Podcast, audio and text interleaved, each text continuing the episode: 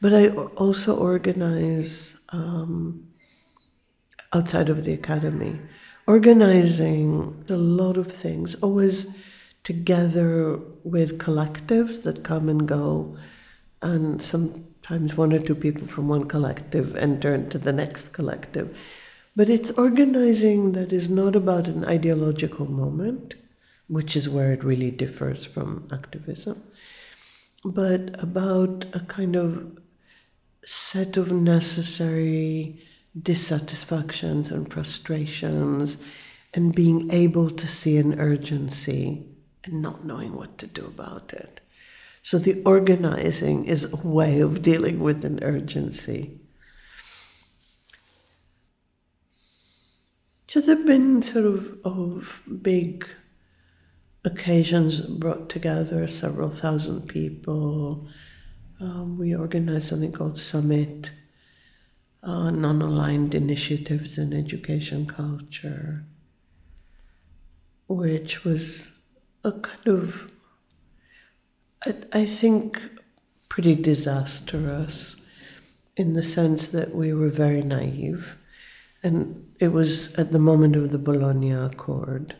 We recognized that this was making the beginnings of considerable changes within what we had inherited as an academic system.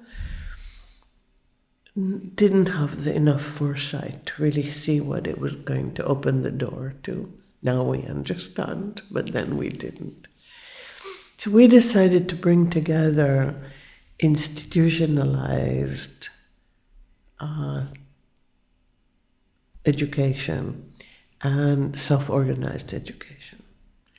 I think what we didn't understand was that self organized education, because of the kind of precarity of the people that were involved in it, the lack of institutional, of any kind of support structure, not just institutional, except comradeship and a sense of mutuality, that it had nothing but its kind of ideological purity as its capital.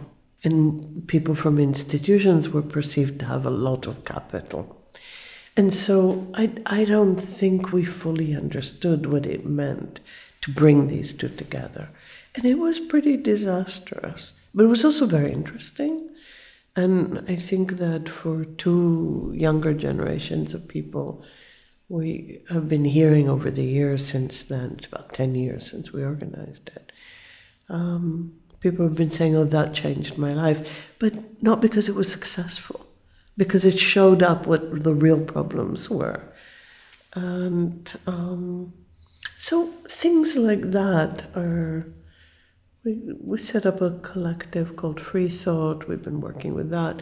Now, with the person who's been my main collaborator for many years, who's called Florian Schneider, and he's a media activist, was a media activist, and he's now in the university in Norway, in Trondheim.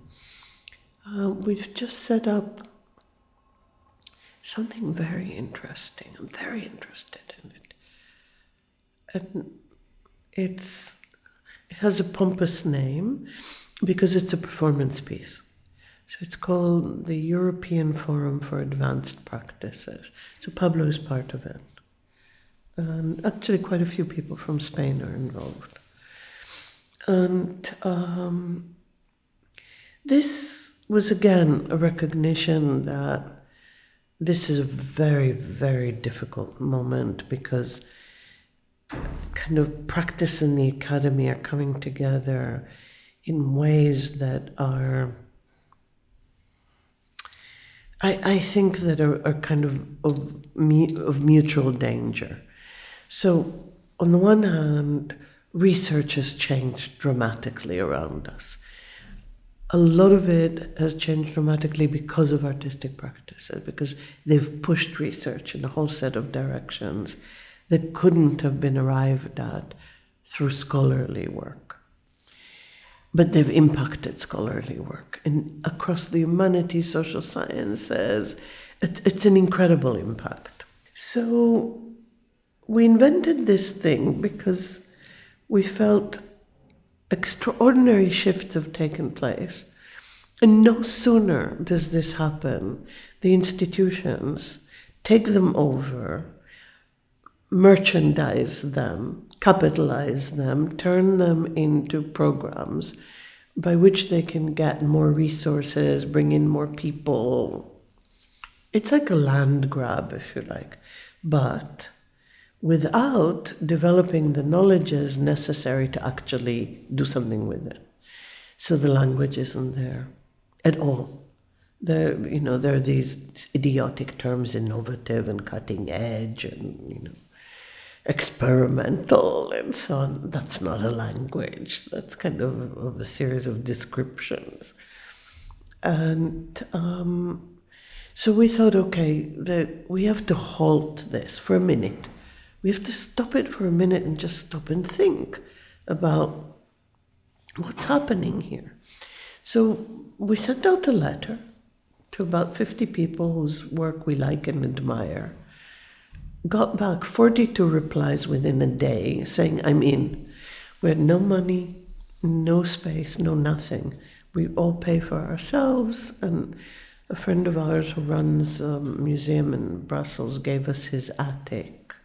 And so we sit there in the attic. And, but everybody found in this a set of shared concerns about neoliberal managerialism of knowledge, cognitive capitalism, the usurpation of anything that could actually pose some questions um, into a kind of, of a program geared at expanding revenue, expanding numbers. So we're doing all kinds of things, but over the last week, I've been in three countries doing three different sort of presentations, and everywhere there were two or three people from EFAP, from the European Forum.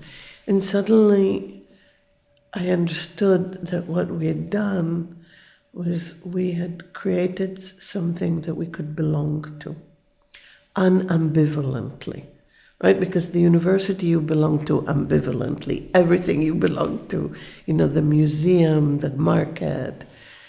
But this, for a brief moment, it can't really be stabilized and it can't be institutionalized and it'll have a, a short lifespan. But for a moment, we created something we can belong to unambivalently. And this is what happens all the time. You think you're organizing something, and it turns out you've organized something completely different. And that's like teaching. You think you're teaching something, and then it turns out that it flips the table on you, and you're teaching something else. And that, that for me, to stop and listen to those moments when something like that can happen, I think that's my practice. Also, as a curator, in, in every way, I think that's my practice.